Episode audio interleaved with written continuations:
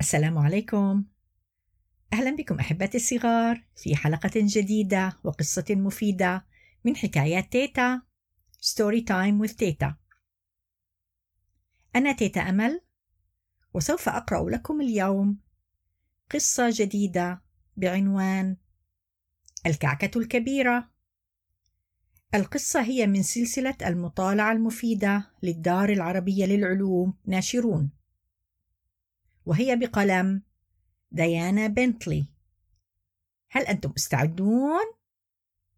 هيا إلى القصة.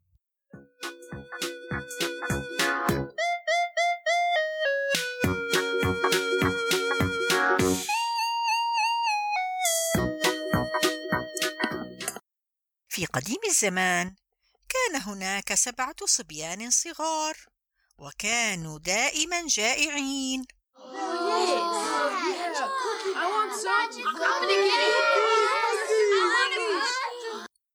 ذات يوم حضرت أمهم فطيرة كبيرة عندما أصبحت الفطيرة الكبيرة جاهزة للأكل. قال الصبيان السبعة الصغار الجائعون. يم يم. الآن يمكننا أن نأكلك. فكرت الفطيرة الكبيرة. آه لا أريد أن يأكلني الصبيان السبعة الصغار الجائعون. سأهرب. وقفزت الفطيرة الكبيرة من المقلاة وتدحرجت إلى خارج البيت.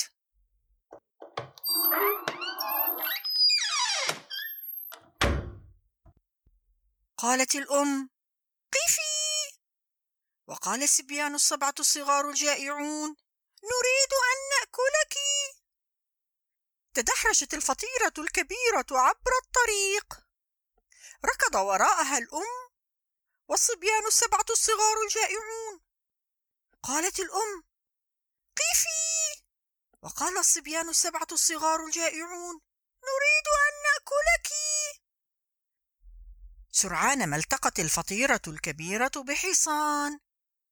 قال الحصان قيفي إنك طيبة للآكل. قالت الفطيرة الكبيرة آه كلا لا أريد أن يأكلني حصان. وتدحرجت عبر الطريق. قال الحصان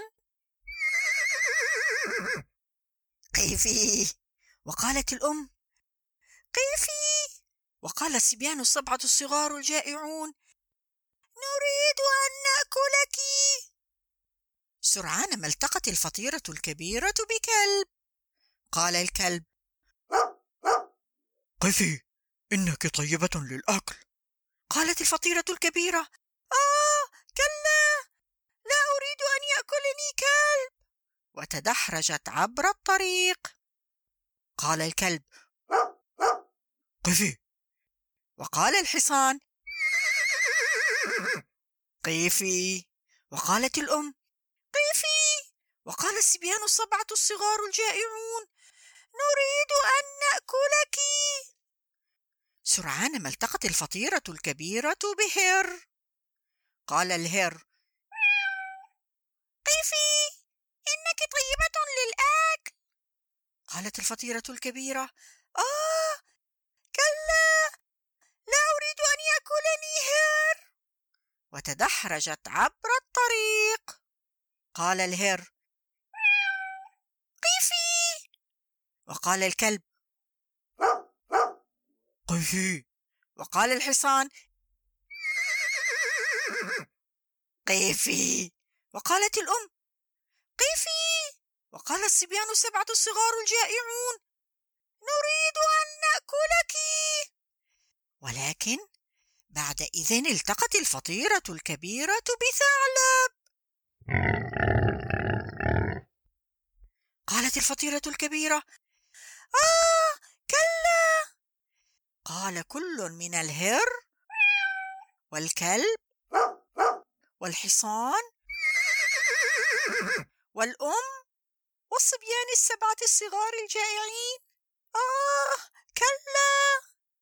ورمى الثعلب المكار الفطيرة الكبيرة عاليا في الهواء ثم التهمها وقال يم يم.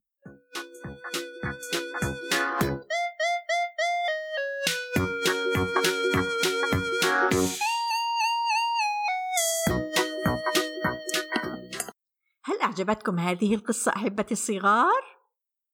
لمزيد من المعلومات عن هذه القصة وقصص أخرى جميلة زوروا موقع الدار العربية للعلوم ناشرون.